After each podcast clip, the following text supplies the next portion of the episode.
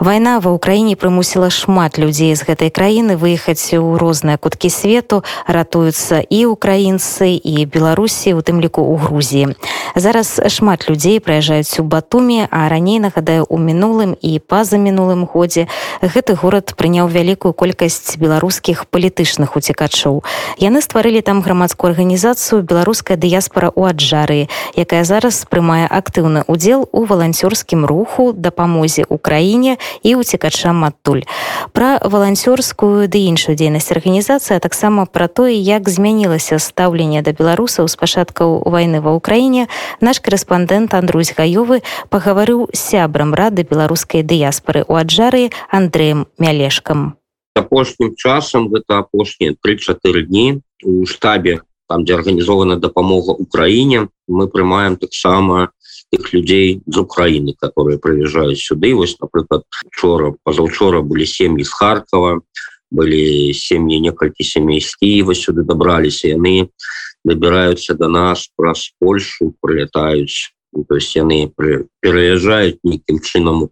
украінска-польскую нажу і яны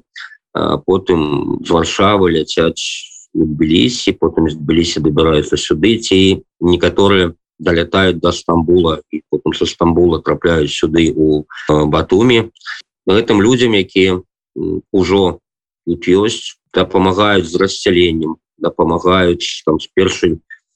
мне кажуць дапамогай рэчамі дапамагаюць э, некалькі кавярняў города кормяць бесплатно напрыклад таких беженцаў тут у нас у Батуме э, это такие кавярні дома Украина некалькі грузінскіх рэстаўрацыяў таксама кормяць бесплатно гэтых людзей украінцам дапамагаюць з рэчамі першай неабходнасці там ці то там нейкімі адзеннем нейкім таксама дапамагаюць вось гэта тая праца якую робіць вось гэты штаб які арганізаваны на базе адной з партый э, грузінскіх Вось, але асноўны рэй у гэтым штабе дапамогі працуюць бы як беларусы так і украінцы які уже давно жывуць у батуме таксама ёсць некалькі там русских людзей которые сбегли от путинского режиму таксама в этом штабе ёсць ну а беларусам которые таксама вялікай колькасцю пераязджаюць у Грузію мы дапамагаем стварылі такі гід дапаможнік что трэба рабіць калі чалавек збіраецца у Грузію як открываць рахунки ў банках як там подключать до мобільнай сувязі як шукаць кватэру у Грузії то есть гэта это все посылки я дасылаю напрыклад зараз кожнаму беларусу які збіраецца ці пераехаў Грузію мы вось такими парадамі дапамагаем но і ясна справа ёсць група людзей які сустракае самолеты надпісю вот беларусы можете там дапаможам чым можам гэта ёсць такое зараз у тбілісі і ёсць такое зараз у нас у батуме вось ты гаворыш про беларусаў гэта беларусы якія прыехалі непасрэдна з беларусі палітычнага пераследу альбо гэта і тыя ёсць кто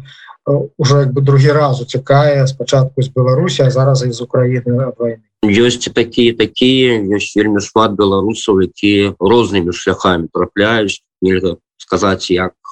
чалавек потрапіў вось літаральна учора я сустракаўся с беларусамі якія даязджалі сюды праз верхні лас праз владикавказ то есть праз Россию некаторыя ёсць групы людзей якія траплялі до нас праз арменію. Яны паспелі напрыклад з Украины потрапіць нейкім чынам в арменію і з армении ўжо траплялі сюды в батуме у Грузію учора былі такія людзі з менску яны пажылі ў Киеве некалькі месяцаў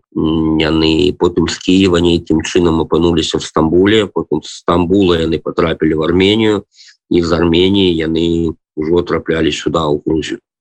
ось ёсць розныя шляхі людзей розныя лёсы людзей ёсць люди которые ось напрыклад ну, калі мы кажам про палітычных я учора размаўляў с маімі знаёмымі з беларусі якіх вывезли з хіміі і яны зараз э,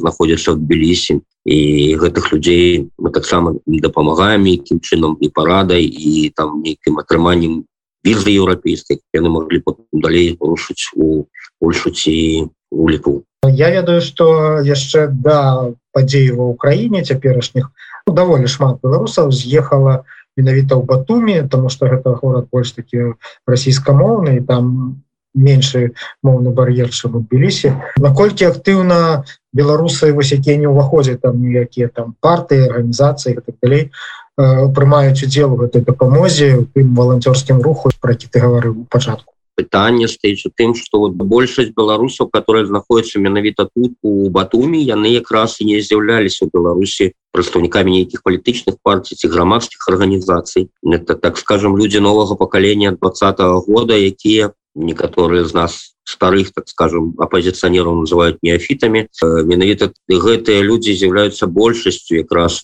у цяперашні валантарскім руху які арганізаваны у бату чым проявляет іх удзел вось я так разумею что ваша арганізацыя беларусаў аджары яна у штабе яна неяк там арганізоўвае гэта все А что можна рабіць напрыклад тым хто жадае далучыцца неяк паўдзельнічаць якія накірункі працы? Вось ну непасрэдны так мовіць працы ажыццяўляюцца з дапамогай вашага гэта штабу Ну глядзіце там насамрэч вельмі все просто ёсць э, два телеграм-каналы там help from батуме напрыклад один самых галоўных. Там напрыклад там на 17 гадзін патрэбна 10 мужчынаў. Асноўныя мужчыны прыходзяць беларусы якія там вось пераехалі там за апошні некалькі месяцаў э, прыходят дапамагаць там. Э, такі-то такі-то час будзе загрузка транспорта які ідзе в Украіну Окей там трэба столько там людзі там дзяўчаты на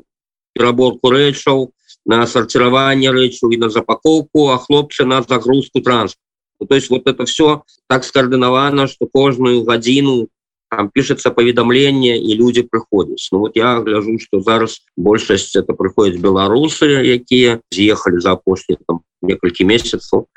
таких старажылаў якія тут жывуць погоду і болей в этом волонтерскім руху асноўным люди якія приехали недавно ну а ось таких какие приехали там за апошні тыдзень два яны пакуль что не долучаются яны больше цікавятся там напрыклад где знайсці кватэру что рабіць транспортом где там ну то есть вот, самые побытовые звычайные рэчы их больше цікавіць Ну, гэта напэўна зразумела тому что яны же толькі трапілі ім трэба было адкаваць свой быт. А наколькі увогуле цяжка зараз у батуме вось з гэтымі менавіта рэчамі? Знайсці кватэру знайсці нейкую матэрыяльную падтрымку но ну, не ведаю рэчамі альбо прадуктамі харчавання? Кошт на кватэры подвысіўся это мы назіраем апошні якраз можно сказать спачатку войны ва Украіне тому что напрыклад патэра которая раней каштавала там 170 180 даляраў да зараз будзе каштаваць 350 ну амаль два разы наконт рэчаў падтрымки ну збіраем некаторыя рэчы людям камусьці не хапае вопратки ну зараз вот перед якраз дажоў у нас тут. Ну то есть такое самое простое калі мы кажем про, про такие звычаёвыя рэчы некаторые пишут там в чат нас некалькі чатаў дзе збіраюцца беларусы батуме